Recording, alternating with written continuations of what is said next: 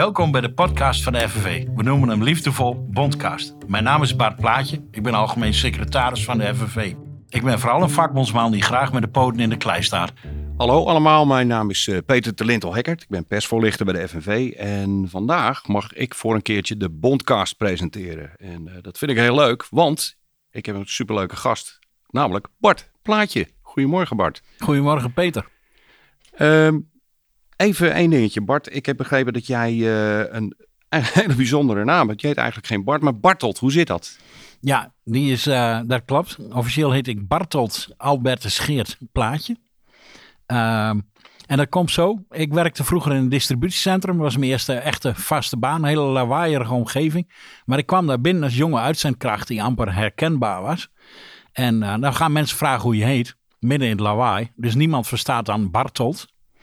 Uh, en op een gegeven moment komt er na een paar weken iemand naar me toe en die roept me en die zegt: Hey Lambert, kom eens hier. Ik denk, en nu is het klaar. Hè? Ik zeg: ga, We gaan mijn naam afkorten, jongens. Dus iedere keer als toen nog iemand vroeg: Hoe je? zei ik: Bart. Ja, ik had geen idee dat jaren later de, de, de camera's uh, op zoek naar de vakbond uh, voor mijn neus zouden verschijnen. Dus ik heb het ook aan mijn neef Bart nog uit moeten leggen. Ja, nou ja, goed. Prima. Bart, Bartolt, uh, maakt allemaal niet uit. Welkom Bart. Uh, ik zei het net al, uh, vandaag ben je zelf te gast in, in je eigen podcast. hoe voelt het nou aan de andere kant van de tafel? Ja, ik, ik verheug me hier eigenlijk wel een beetje op. Het is ook wel onwennig. Dus ik ben ook wel een tikje gespannen. maar aan de andere kant, ik heb nu naar een hele rij gasten ook wel zoiets van... Goh, ik heb wel een aantal onderwerpen die ik ook wel eens zou onder de aandacht zou willen brengen. zonder de verantwoordelijkheid te dragen die jij nu draagt. en die is uh, enorm. Uh, ja, je zegt het voelt een beetje onwennig. Waar heeft het mee te maken? Vind je het lastig om over jezelf te praten? Nou, dat niet per se hoor. Als ik helemaal warm ben, dan gaat dat er onderuit. Maar ehm, wat ik wel vind is, die bondcast is niet zomaar iets. Het is niet iets wat ik voor de grap doe. Ik probeer daar echt iets mee toe te voegen aan de FNV. En dan zo'n gewaagde draai is dit. Daarvan denk je wel, ja, het moet wel goed gaan. Het moet wel iets worden. Ja, ja. Over die bondcast en waar, waarom je dit doet, wil ik het zo, uh, zo even hebben. Uh, iets anders. Wie ben jij? Dat vind ik ook wel interessant. Wat voor persoon ben jij? Uh, waar leef je? Met wie leef je? Ja, ik, uh, ik ben een Drent. ik woon in Rolde. Dat is een dorpje vlak onder de rook van Drentse Assen. En daar woon ik samen met mijn vrouw Annabel. Annabel is mijn tweede vrouw. En, uh, en is ook echt de liefde van mijn leven. We hebben een van mijn drie kinderen, die woont bij ons thuis. Dus uh, dat was ook wel spannend toen een jochie van elf belde. Papa, mag ik bij je komen wonen? Uh, toen was er even de vraag. Ik heb natuurlijk meteen ja gezegd. Want Annabel wist ook dat zo'n dag op een keer zou kunnen aanbreken. Alleen dan moet je dan nog wel even zien of dat goed gaat. En dat hebben ze fantastisch gedaan. Ze tweeën kunnen hartstikke goed met elkaar opschieten. Dus daar ben ik heel erg blij mee. Hij is ondertussen al 16 hoor. Het is echt geen jochie meer. Uh, en uh, met de andere twee kinderen gaat het ook hartstikke goed. Die wonen in, uh, nu in Koevoorden. we wonen vroeger, woonde ik, toen ik nog bij mijn vorige vrouw was, woonden we in Emmen. En daar hebben we drie kinderen gekregen.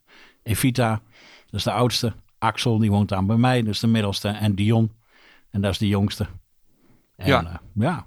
En, die, en de andere, die zie je ook nog, uh, nog geregeld? Jawel, jawel, dat gaat gewoon. Uh, dat kent ze natuurlijk verloopt. Dat kan je niet meer afdwingen op, uh, bij pubers. Van, je moet zus of je moet zo. Nee. Maar, en ja, het zijn ook leuke mensen aan het worden. Dus ik ben er heel blij mee. Nou, als je nog meer wil weten van hoe gaat dat bij mij thuis. We hebben twee hondjes. Allebei geredde zwerfhondjes. die komen uit Bulgarije. En uh, het zijn echt uh, voormalige straathondjes. En met name nummer twee hebben we echt helemaal zelf opgevoed. Die kenden geen huis, die kenden geen riem. Uh, dat was een heel bijzonder avontuur. Het zijn niet zo'n hele grote bakbeesten hoor, maar het is toch wel, nog wel iets moois om te doen.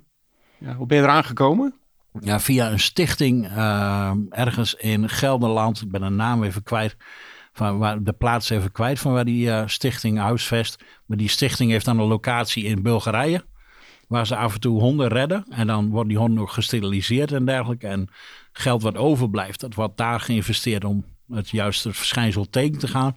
En hier is dan een opvangcentrum en dan gaan ze proberen via internet te kijken of ze goede uh, gastouders kunnen vinden voor die hondjes.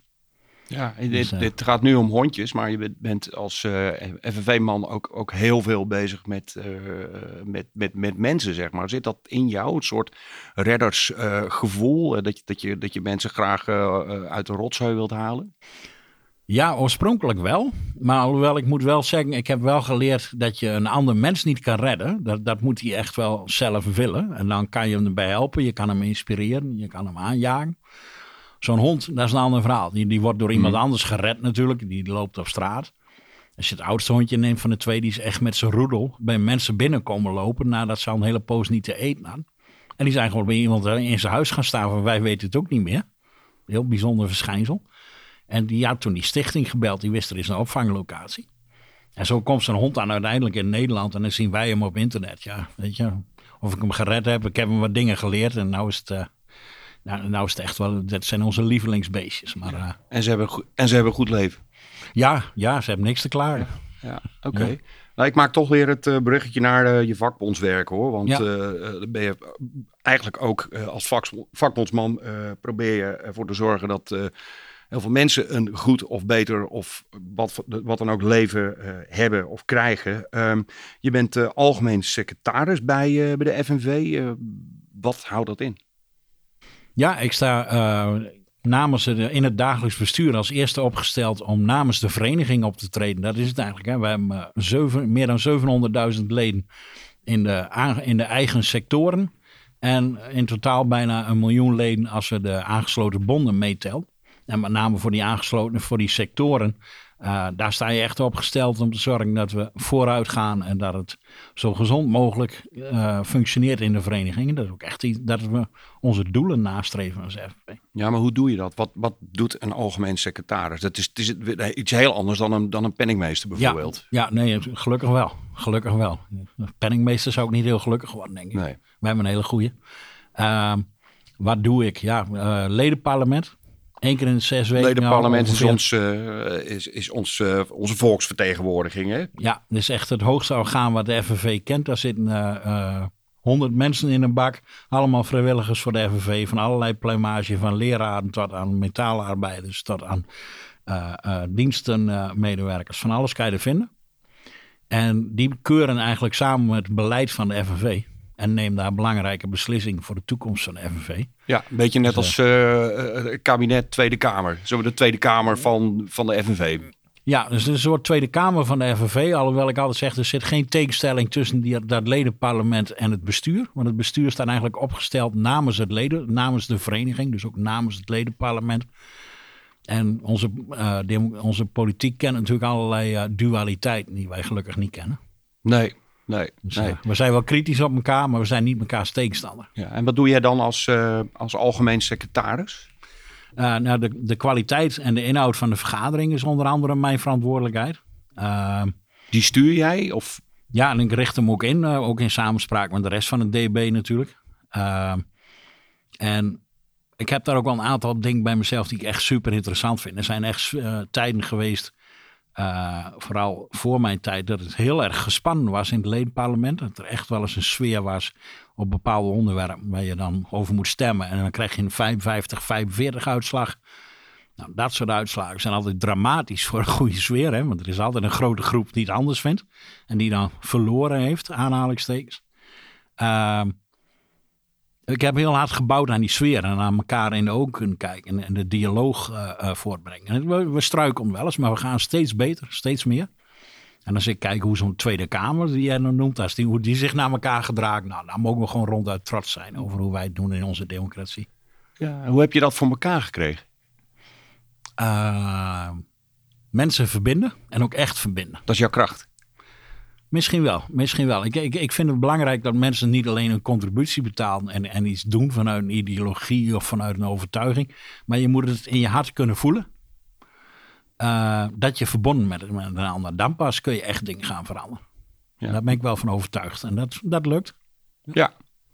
Oké, en hoe doe je dat dan? Je stapt op mensen af?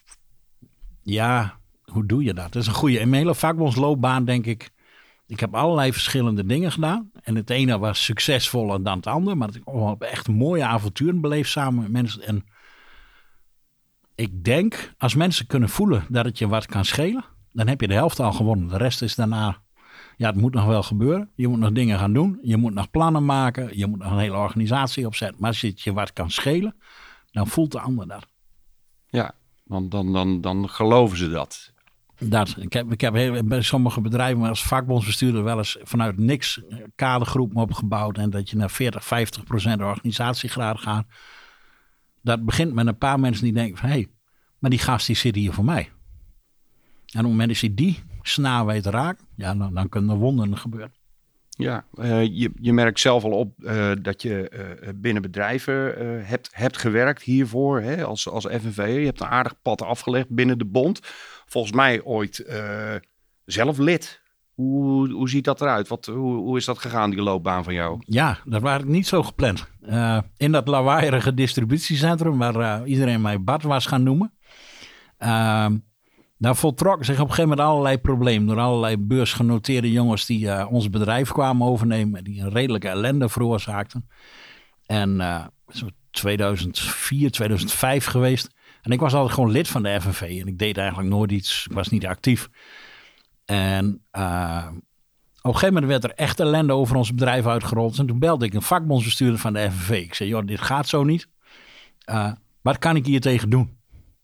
En die beste man die zei, uh, ja, wij gaan binnenkort beginnen met iets nieuws. Dat heet organizing. Dat zou ik maar eens opzoeken, want er is bij jullie eigenlijk heel weinig mensen zijn er maar lid. Dus ik kan niet zoveel voor je doen.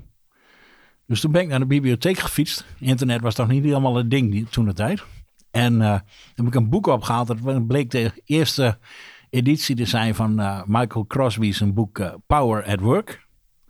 En dat ging over organizing. En dat heb ik toen gelezen. En toen zei ik tegen een paar vrienden op werk zeg, volgens mij zijn jullie ook informele leiders, zoals dat hier staat. Ik zeg, dit kan toch niet zo moeilijk zijn? Nou, dat was het wel. Maar we zijn het wel gaan doen. Dat en, organizing, hè? Wat, wat, wat houdt dat in? Ja, we zijn, we zijn echt issues gaan opzoeken van mensen zelf. En, gaan, en ook wel kijken van uh, wie zijn we daarvoor nodig? Dus wie uh, hebben de gezag in de groep? Wie beïnvloedt een groep collega's zodat die, als hij zegt, oh, dit moeten we gaan doen, dan moeten we dat gaan doen. Je zoekt dus, dus sterke mensen uh, op, ja. op een werkvloer. Een voorbeeldje. Uh, we kwamen op een gegeven moment in een echte crisis met dat bedrijf. En de topman die ons zogenaamd gered had door een reorganisatie te begeleiden, die zou een miljoen meekrijgen als bonus. Terwijl er zou bijna 80 man de straat op. Dus uh, ik maakte me er heel boos over. En ik merkte dat mensen ook heel boos begonnen te worden. Dus toen ben ik eigenlijk op, ben ik op een vrije middag ben ik in het bedrijf rond gaan lopen. En heb ik de juiste mensen aangesproken van... ik wil eigenlijk morgen een handtekeningactie gaan doen. Dan gaan we handtekeningen ophalen. En als nou iedereen tekent dat we het hier niet mee eens zijn... dat hij die bonus maar moet geven aan de mensen die ontslagen worden... dan gaan we eens kijken wat er gebeurt. En iedereen wou meedoen. Dus toen heb ik die vakbondsbestuurder weer gebeld. Ik zeg, heb jij morgen tijd? Nou, die had wel tijd. Dus toen hebben we s'morgens aan de poort in alle vroegte handtekeningen opgehaald. En waren iets van, nou, er werken 400 mensen, waren iets van 380 handtekeningen, inclusief de secretaresse van de directie. Dat uh, kan ik me nog herinneren. Dus toen hebben we voor het eerst een ludieke actie gedaan. We hebben uh, de directie een uh, pak droge biscuitjes gegeven, want dat was het enige wat er voor de mensen overbleef die ontslagen waren. En dat was, gaf zo'n impact in het bedrijf en dat gaf zoveel vertrouwen in de vakbond. Dat was eigenlijk het eerste moment dat we echt dachten: hé, hey, maar hier gebeurt iets. Nou, vijf jaar later was die tent echt 80% georganiseerd. En toen belde FNV Bondgenoten toen nog. Van, joh, plaatje, wil je niet bij ons komen werken? Als organizer. En dat heb ik toen gedaan. En dat was het begin van dit uh, waanzinnige avontuur. Ja, want je bent van organizer naar uh, lead organizer gegaan, geloof ik. Een ja. soort, uh, ja, soort chefje, zeg ik altijd. Ja, ja. een soort chefje. en uiteindelijk vakbondsbestuurder geworden. Ja. In welke sector was dat? Uh, vakbondsbestuurder in een metaal. Ja, en vakbondsbestuurder, even voor uh, wie niet weet wat dat is. Dat is een onderhandelaar, vertegenwoordiger van de ja, FNV. Je, je bedient de, de, de, de vakbondsleden in jouw regio. En je hebt als taak om, om die uh, basis verder uit te bouwen. Ja. En daar ja. hoort onderhandelen bij. Daar hoort, uh, nou, daar hoort een hele skillset aan dingen bij. Dat is, ja. Dat is een echt vak. Ja, ja. ja. En nu dus uh, algemeen secretaris. Um, Misschien nog leuk om te weten, Peter, van, van een vakbondsbestuurder verhaal. Dat is zo'n leerzaam onderdeel geweest van het hele avontuur. Ook in die campagnes, hè? Eh, ook als organizer en als lead organizer. Ik zei laatst thuis tegen mijn vrouw, ik zeg, ik schat, ik was mijn oude papier aan het opruimen, dus ook mijn oude gespreksverslagen van vroeger. En ik schat dat ik bijna bij 800 mensen thuis geweest ben. In drie, vier jaar tijd. Dat is zo leerzaam. En dan praat je met mensen over wat kan er beter in je bedrijf, wat kan anders lid worden, anders gaan we niks doen. Uh, en daar leer je zoveel van. Je komt bij mensen thuis die het gewoon goed voor elkaar hebben. Vrijstaande woning, twee auto's voor de deur, uh, allebei werken. Maar ook wel bij mensen die ja, door een paar gaten in de maatschappij heen gevallen zijn. Dat het allemaal nog maar net gaat of eigenlijk niet gaat. En al die dingen, dat was zo'n leerzame ervaring om te zien van wat er in de wereld gebeurt. En dan nog later vakbondsbestuurder mogen zijn. En daar nog eens de onderhandelingsskills aan toevoegen, onder andere. Dat is wel, uh, dat is wel waanzinnig geweest. Mis, mis je dat niet dan, nu? Ik neem aan dat je als algemeen secretaris niet uh, regelmatig bij mensen over de vloer komt. Nee, ik sta er nu veel verder vanaf. Maar ik kijk er met heel veel liefde naar terug. Maar missen is, is het ook weer niet. Want dit is ook weer, dit heeft ook heel veel waarde. En ik hoop hier ook een verschil te maken. Ja, dus, logisch, een soort van logische volgende stap misschien wel. Ja, misschien wel. Misschien wel. En, en toen vond ik bepaalde dingen mooi waarvan ik nu denk, zo, daar moet ik nog wel even kijken waar ik dat weg zou moeten halen. Er was een uh, directeur van een rolcontainerbedrijf in Scheemda. Een fantastische achterban daar, echt 80% lid. Namen van die Grunningers die echt niet bang zijn voor hun baas. Dus dat onderhandelt lekker. Alleen we hadden ook afgesproken dat we zouden pas...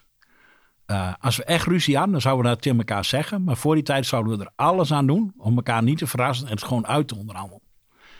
En hij had een directiekamer met een enorm rookhok, met een bar erin. En het was maar nogal een melancholiane toestand, jongen. Dat je denkt, daar word je moe van.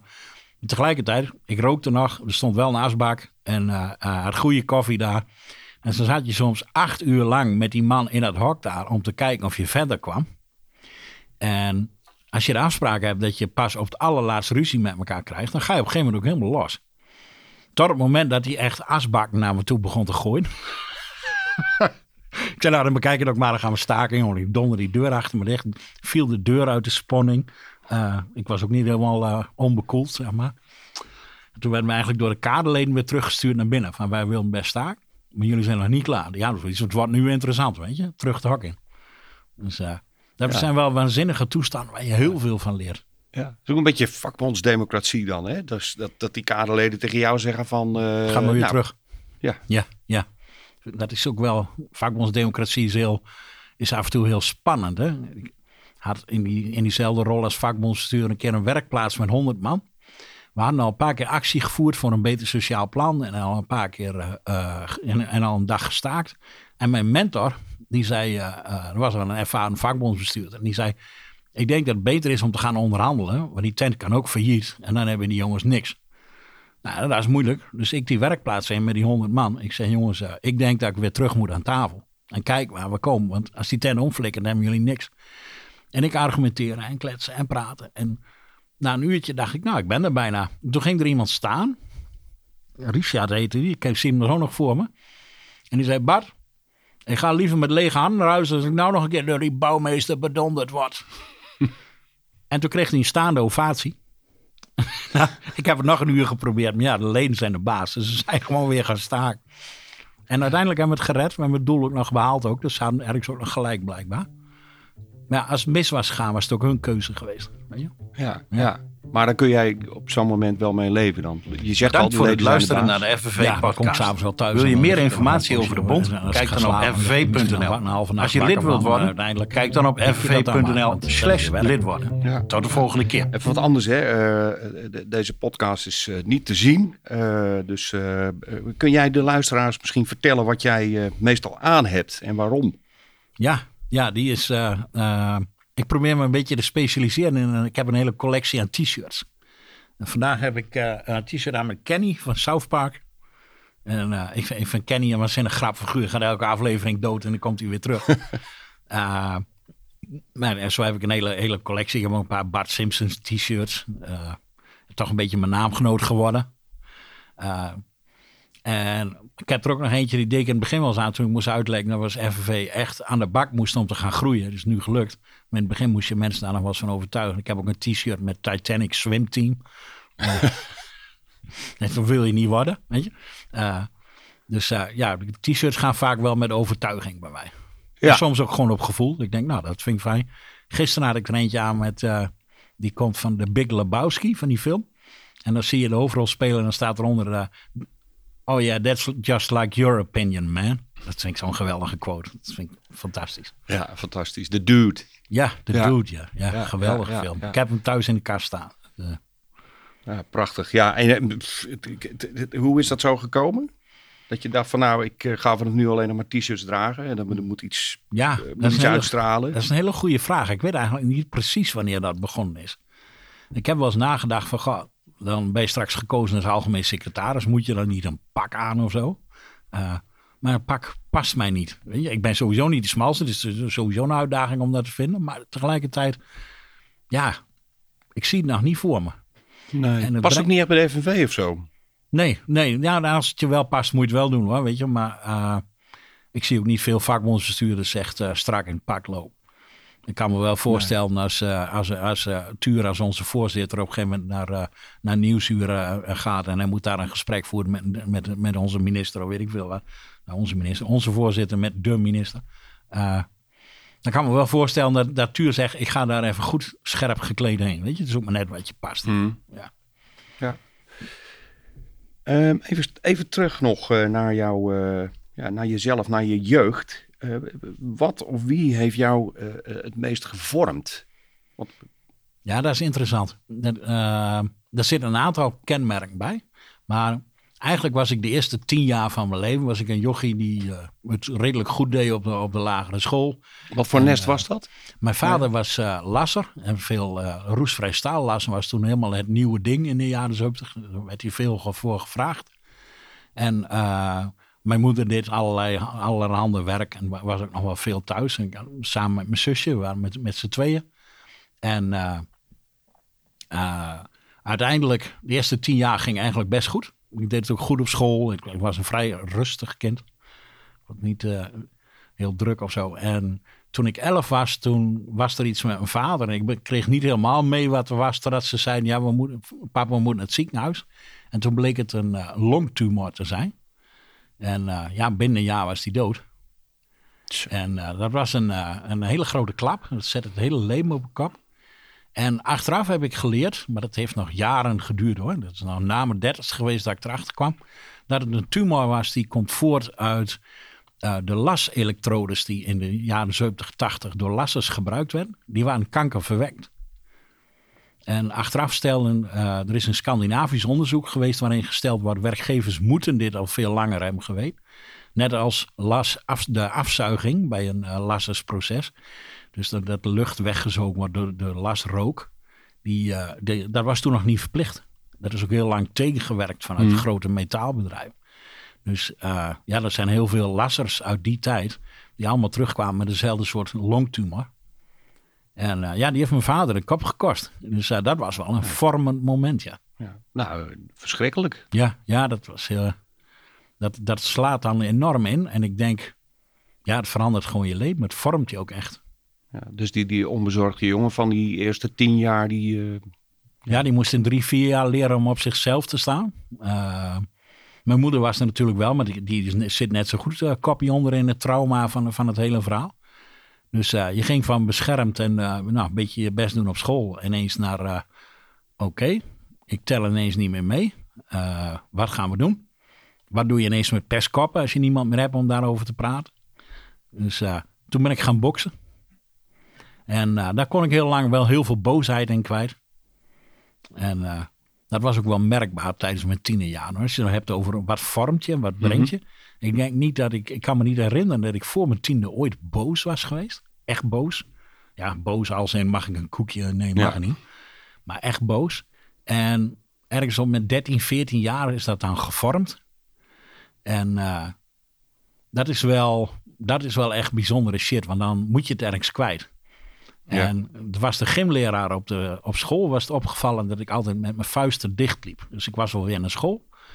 Maar hij zag die spanning in me. En hij gaf na school gaf die boksles. En hij zei, je moet maar eens langskomen. En ik merkte meteen toen ik de eerste paar keer leerde hoe dat moest. En ik, kon een beetje, ik leerde een beetje knallen. En ik dacht, hé, hey, maar hier verplaatst zich iets. Hier gebeurt iets. Dus ja, daar is, de, daar is de ontlading begonnen. En gaandeweg ook de vechter. Want die boosheid die bouwt alleen maar verder op. En dan, er is echt wel een periode geweest dat ik het vechten echt nodig was. Zeg maar. Ja, het, het, vechten eh, in de ring of, uh, of op straat ook? Ja, uh, als, er niet, als ik niet genoeg naar boksen toe ging, dan ging het vanzelf op een andere plek mis. Dat was in die tijd wel, ja, ja. ja. En, en uh, die, die, maar die straatvechtersmentaliteit, die, die heb je eigenlijk meegenomen naar je, naar je, naar je vakbondswerk. Ja, dat is, uh, maar ergens is vakbondswerk soms ook wel een redding geweest, denk ik. Ja, want confrontaties zoeken doe je nu op een hele andere manier. En de eerste, nou wie weet, de eerste uh, helft van mijn vakbondsloopbaan, die kenmerkte zich ook wel in conflict op conflict op conflict. Er was weinig ruimte voor dialoog. Er moest eerst de werkgever op zijn bek slaan, in figuurlijke zin. En dan pas onderhandelen. Dat was. Uh, ja. ja. En dat, en dat boksen doe je dat nog steeds? Nee, nee, nee, nee. Uh, al, al jaar niet meer. Mijn zoon bokst wel. En uh, een paar vrienden van mij uh, die ik al ken van heel vroeger. echt goede vrienden, die boksen zo allemaal nog wel. Maar we zijn ook allemaal veel te oud, weet je. je gaat niet meer met jochies vraag in de ring staan. Je krijgt klap maar zwater. Dat is... Dat is geen doen. Nee, zo kun je niet op je werk aankomen. Nee, ook niet. Ook niet. Nee, nee, nee. Wat doe je wel dan? Heb je uh, leuke hobby's? Ja, ik, het liefst uh, als ik op zaterdagmorgen mijn kop leeg wil maken of op zondagmiddag, dan uh, loop ik bij ons het veld in waar geen mens is. De hondjes bij me. En lekker gaan, weet je. En, mooi in contact met de natuur vind je een vrede die ik vroeger misschien wel zocht in de confrontatie, maar niet kon vinden denk dat daarin gaandeweg met de jaren wel wat veranderd ben. Ook, ik ben die confrontatie, die, dat harde, niet meer, niet meer zo hard nodig als, als uh, voor een paar jaar geleden. Hmm. hmm. Oké, okay. um, dat is wel lollig. Uh, ik, ik, ik hoorde ergens iemand die, uh, die, die jou omschreef als uh, van een, een, een, boze arbeider die een, een blije boeddha is geworden. Dus dat sluit hij wel een beetje bij aan. Ja, ja dat, dat klopt wel. Dat is een kaderlid. En nou ben ik even zijn naam kwijt. Hij is net met pensioen, maar hij was uh, onderhoudsmonteur. Uh, voor, bij een, vanuit een installatiebedrijf. En hij kwam regelmatig in het distributiecentrum waar ik kaderlid was. En toen woog ik uh, 90 kilo en het was praktisch afgetraind. En ik was boos. Hmm. En ik organiseerde alles op boosheid. En boosheid was mijn brandstof. Ja, dat is op naar de volgende confrontatie, zou ik maar zeggen. Maar ja, dat brandt op dag ook een keer op. En uh, na heel veel staking en heel veel vakbondswerk ben ik ook andere wegen gaan zoeken om te ontspannen. Dan ben ik bij meditatie uitgekomen. En ondertussen ben ik natuurlijk hertrouwd met een vrouw die nog veel beter kan koken dan mij. en uh, dus ik ben ook gaan genieten van eten en uitgaan en dat soort dingen. Dat stond ik me vroeger niet zoveel toe. En uh, ja, ondertussen weeg ik bijna 120 kilo. werd niet lang niet meer afgetraind. Dus ja, het, het leven verschuift. Ja, ja, ja. ja. ja, Maar wel, uh, wel van boze arbeider naar blije Boeddha. Ja, ja dus je vindt het zelf wel een, wel een goede omschrijving. Ja, het is, het is echt wel een hele, hele mooie. Want ik ben nu ook echt intrinsiek wat rustiger geworden. Ja, ik, ik, ik hoorde van uh, mensen om je heen dat je ook graag met uh, gezegdes en, en wijsheden strooit, zo nu en dan. Ja, ja dat vind ik, ik, heb er een aantal dingen op voorraad. Ik denk van, er zijn al heel veel mooie dingen in de wereld en die mag ik altijd graag delen. En soms ook wijsheden, weet je. ik hoorde op een gegeven moment altijd zoveel rechtse mensen, echt, echt rechtse mensen, pronk met Machiavelli. Dat ik dacht, dat moet ik maar eens gaan lezen. Oh ja. Een waanzinnig leuke boek. En er zit best wel veel wijsheid in. Als je het maar via je eigen bril blijft bekijken. Het moet niet je, niet je denken gaan beïnvloeden. Maar daar zit wel heel veel in. Soms zit het ook gewoon in een liedje. Uh, ja. Daar, daar zitten ook gewoon leuke quotes in. Dus uh, ja, ik vind dat ook altijd wel materiaal om te gebruiken, om te communiceren. Soms ook als argument. Ja. En noemen, ze, noemen ze een liedje wat, wat jou heel erg aanspreekt, wat dat betreft? Ja, dan kunnen we kiezen. Uh, want ik vind uh, uh, Wark en de Helden van Mooi Wark, uh, is een uh, Drentse band, vind ik ontzettend mooi. Mooi Wark? Ja, ja. En, maar ja, ik vind vooral hun serieuzere nummers vind ik mooi. Ehm, maar Mooi Wark is toch wel een beetje het patatje oorlog. En dan is, als je echt goed uit eten wil en je wilt echt een beetje in stijl, dan moet, zou je Daniel Loos erbij moeten halen. Ook een Drenthe? Ja, is ook een Drenthe. En ik, ik ken Daniel van vroeger. Ik heb met hem bij, de, bij de groenteboer gewerkt. Oh, stonden, ja? stonden we als jochies uh, op zaterdag samen bij de groenteboer. En uh, toen liep hij ook altijd met zijn gitaar. En, uh, ik wou heel graag werken en hij vond het vreselijk. En hij zei, ik ga muziek maken, zoek het allemaal maar uit. En ik dacht, ja, mm -hmm, zeker. Maar het is hem wel gelukt. Ja, ja. en uh, uh, maar die maakt, die maakt muziek. Daar elk, voor elke gebeurtenis in het leven is wel een liedje van Lois waar je inspiratie uit kan halen. Hij is, hij is de voormalige zanger van Skik, als ik Ja, ja wie dacht mij wat. Ja, oh ja. ja. wie dacht mij wat, wie dacht mij wat. En daar houdt het wat mij betreft op. Maar... Ja, ja, wie dacht mij wat vandaag. Ik heb de banden vol met wind. Ja, ja, dat, maar hij maakt echt waanzinnig mooie muziek. Maar het is alsof hij ook echt een verbinding heeft met, met mooie teksten of zo. Ik weet niet, af en toe niet hoe artiesten dat doen, weet je. Dat je denkt, je kan je niet voorstellen hoe creatief je daarvoor moet zijn. Dat, uh, ja, want jij niks met muziek. Nee, nee. ik ben, het moet de thuis van zo'n lach. Ik ben het meest aritmische uh, creatuur waardoor deze aarde is aangeland volgens mij. Dus, uh, Um, ja, nou ja, goed. Ik zeg eh, niks met muziek, maar blijkbaar dus niks met muziek. Doe je nog andere dingen? Wandelen met de honden? Ja, uh, ik, ja, wat ik eindeloos fascinerend vind, is uh, de geschiedenis van West-Europa en met name Nederland ook. Van voor de kerstening, zeg ik altijd maar. Maar er, er, was een tijd in Europa, voordat Karel de Grote hier belanden. Eventjes voor de duidelijkheid, het was rond uh, 800 uh, ja. na Christus. Hè, ja, dan rond 800 na Christus uh, sprak Karel de Grote samen met de paus af. Volgens mij is dat moet rond 790 zijn geweest. Dat heel Europa gekersten moest worden.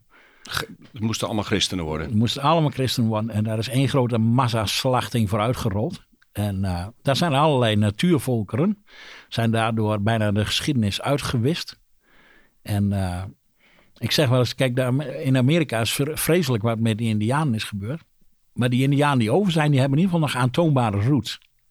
Maar wat zijn onze roots?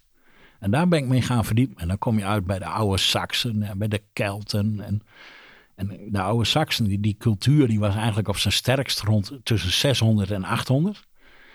En uh, Karel de Grote, die dus heel probeerde heel Nederland onder de of heel Europa onder de kerk te krijgen, die, uh, uh, die schrijft ook ergens dat dat eigenlijk zijn meest voorname tegenstanders waren. En dat vind ik dan weer eindeloos fascinerend. Want wat was uh, hetgeen wat hem, hem dwars zat bij, uh, bij dat volk? Die hadden geen leiders.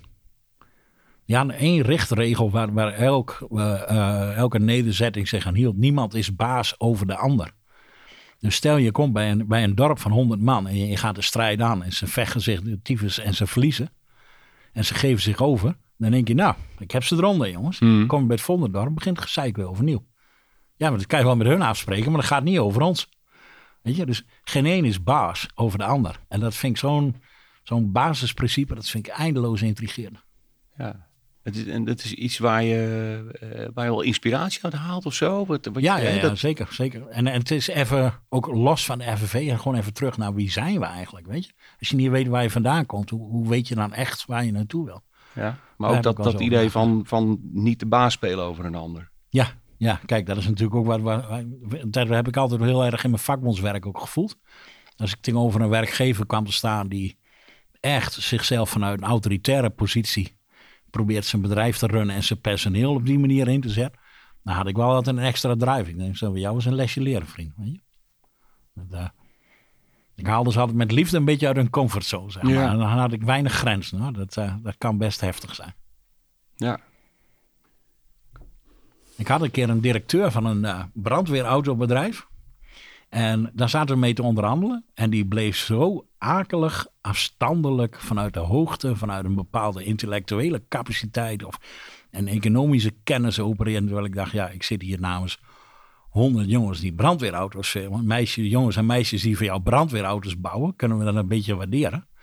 En uh, uh, ik denk, dit gaat niet lekker zo, want ze beweegt voor geen meter en ze blijft maar arrogant doen. En de volgende dag toen heb ik een ludieke actie aangekondigd. Van, ze wouden een deel van het bedrijf naar Kroatië verhuizen. Nou, dat kost banen. Ik wou dat niet. Ehm, dus ik heb haar uitgenodigd. Ik zei, joh, we gaan jou morgen vroeg om acht uur een ketting overhandigen. Zodat je het bedrijf van de ketting kan leggen. Kom je ook? Zeg ze, oh, maar acht uur komt een beetje moeilijk uit, Bart. Ik heb thuis ook druk. Kan het ook om negen uur? Ik zei, dan doen we het om negen uur. Volgens heb ik journalisten gebeld. Ik zei, we gaan om acht uur een ketting overhandigen. En als ze niet komt, dan leggen we zelf het bedrijf van de ketting. Dus de journalisten waren daar om acht uur. Ik zei, nou, dan heeft ze ook nog de arrogantie om niet op te komen dagen. En zo vloog het ook de krant in. en toen had ik er eindelijk uit de comfortzone. Toen komen we een beetje door onderhandelen. Dus uh, we zijn nooit meer vrienden geworden daarna, maar dat is dan de prijs. Ik kan zeggen, ben je er wel uitgekomen? Ja, er is wel een akkoord uitgekomen, maar wel met behulp van een collega die dan op relatie de afhechting kon doen. Oké. Want uh, de directeur in kwestie kon mij niet meer luchten of zien aan het einde. Nee, nee, nee. Maar ja, dat is dan wat het is. Die jongens hadden hun doel. Elke baan bleef behouden. Ja, ja, dus, uh, journalisten schreven dat ik er ijzeren heinig in zat. Ik denk, nou, dat is in dit geval een compliment. Mooie uitdrukking, hè? Ja. IJzerheinig, ja, ja, ja.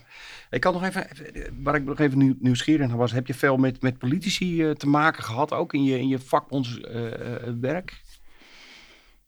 Uh, ja, je, je, komt ze wel eens tegen. En, en met name bij staking kunnen ze best wel eens handig zijn. Weet je, Kamervragen kunnen weer tot krantartikel leiden. En zo kan je weer iets in werking zetten. En ik heb ook een campagne geleid uh, rondom de huisvesting van arbeidsmigranten, die natuurlijk verschrikkelijk is. Ja, ik wou zeggen, uh, arbeidsmigrant is wel een. Uh, dat is iets wat je enorm aan, ja, aanspreekt, aangrijpt eigenlijk. Hè? Hoe, hoe die mensen er, er vaak bij zitten en onder welke omstandigheden ze hier moeten, moeten werken. Ja, ik, ik heb een campagne geleid, mogen leiden en gedaan samen met een team organizers.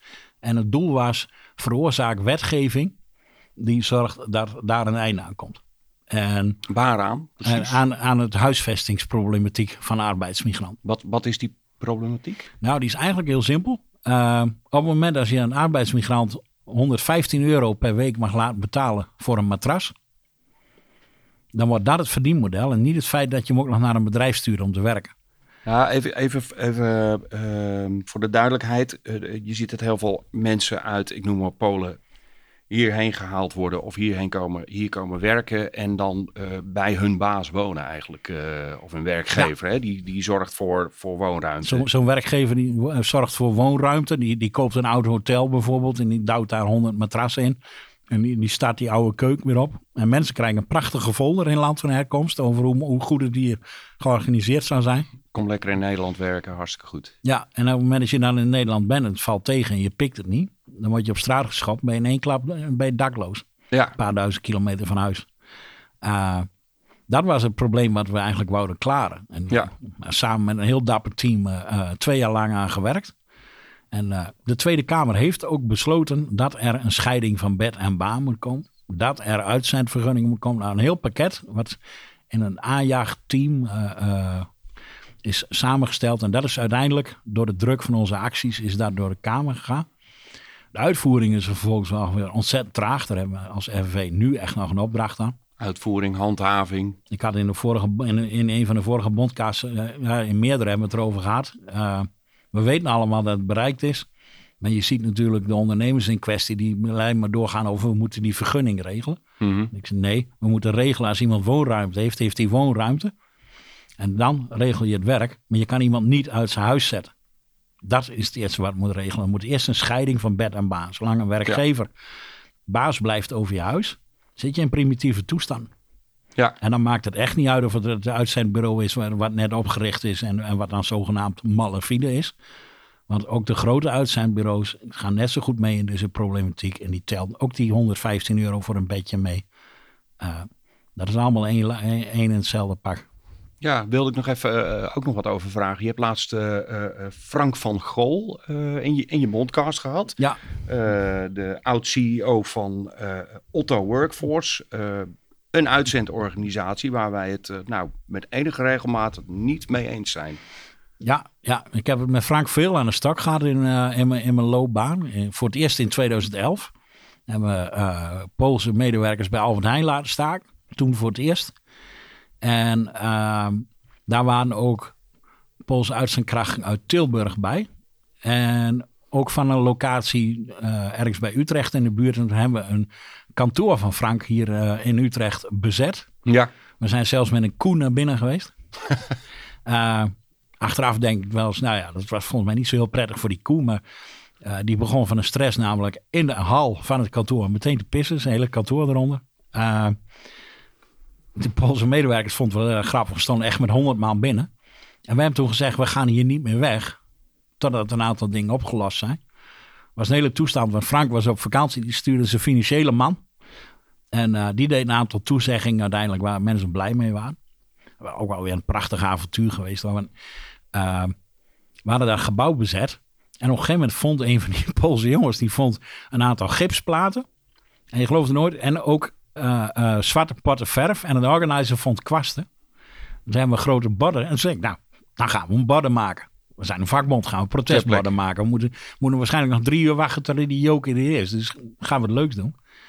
En die Polen die schreven maffia op. Elke gipsplaat een letter. En toen hebben ze die op dak gezet. En stond er op een gegeven moment auto Mafia. Nou, dat zijn de dingen waar Frank helemaal knettergek van werd. We hebben elkaar ook wel eens gevonden.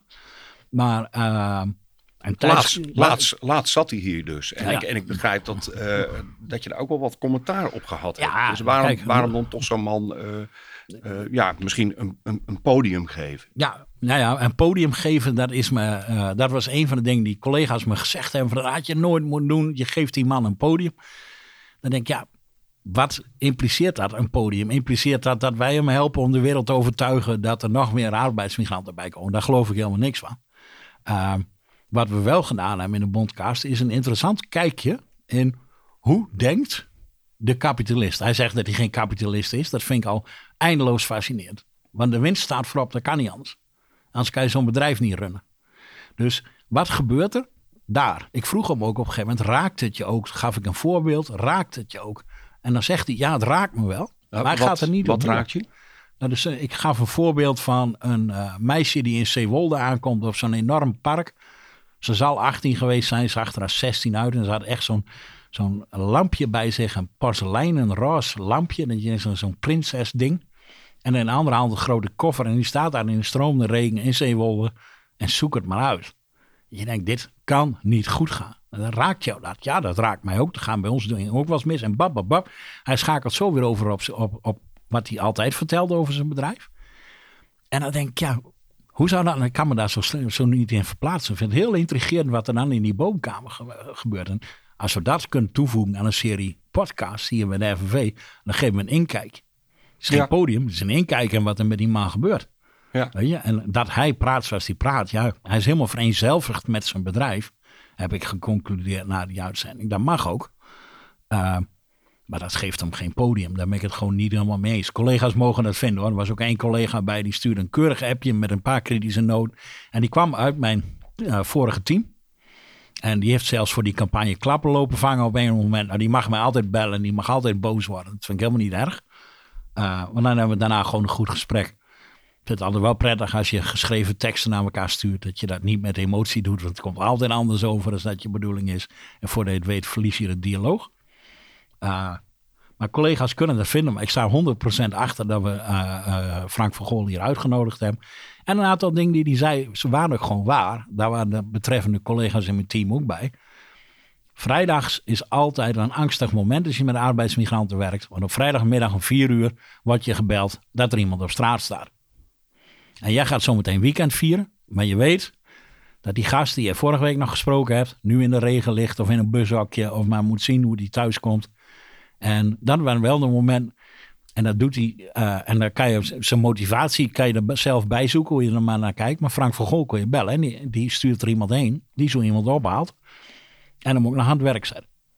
En dat, dan zijn er collega's die zeggen, joh, dat doet hij om, om mooie sier te maken. Ja, dat zou kunnen. Ik kan niet in zijn hoofd kijken, maar hij doet het wel. Ja, hij doet het wel. En er waren er nog wel andere jongens die dat ook doen hoor. En weet je, Frank van Gol is niet de enige. Uh, grote jongens zoals Adecco en Randstad en Tempo Team maken zich ook allemaal schuldig aan deze ellende hoor. Dus het is ook maar net uh, hoe je ernaar kijkt. Maar ik denk wel dat het een goede toevoeging is geweest. Ik vond het wel een mooi gesprek, uh, Peter. Nou, dat is fijn. Dat is leuk om te horen. Ja, super. ik vond het ook een mooi gesprek. Ik vind het ook uh, leuk om even uh, jou wat beter te hebben leren kennen. Ja, daar kom je eigenlijk nooit naartoe in het dagelijks werk. Hè? Jij en ik kennen ken elkaar al heel lang volgens mij. Maar het is altijd een beetje op afstand of zijdelings of, uh, of per gelegenheid. Ja. ja, leuk man. Nou, wil ik je ontzettend bedanken. Ja, wederzijds. Dankjewel. Bedankt voor het luisteren naar de FNV-podcast. Wil je meer informatie over de bond? Kijk dan op fnv.nl. Als je lid wilt worden, kijk dan op fnv.nl slash lid worden. Tot de volgende keer.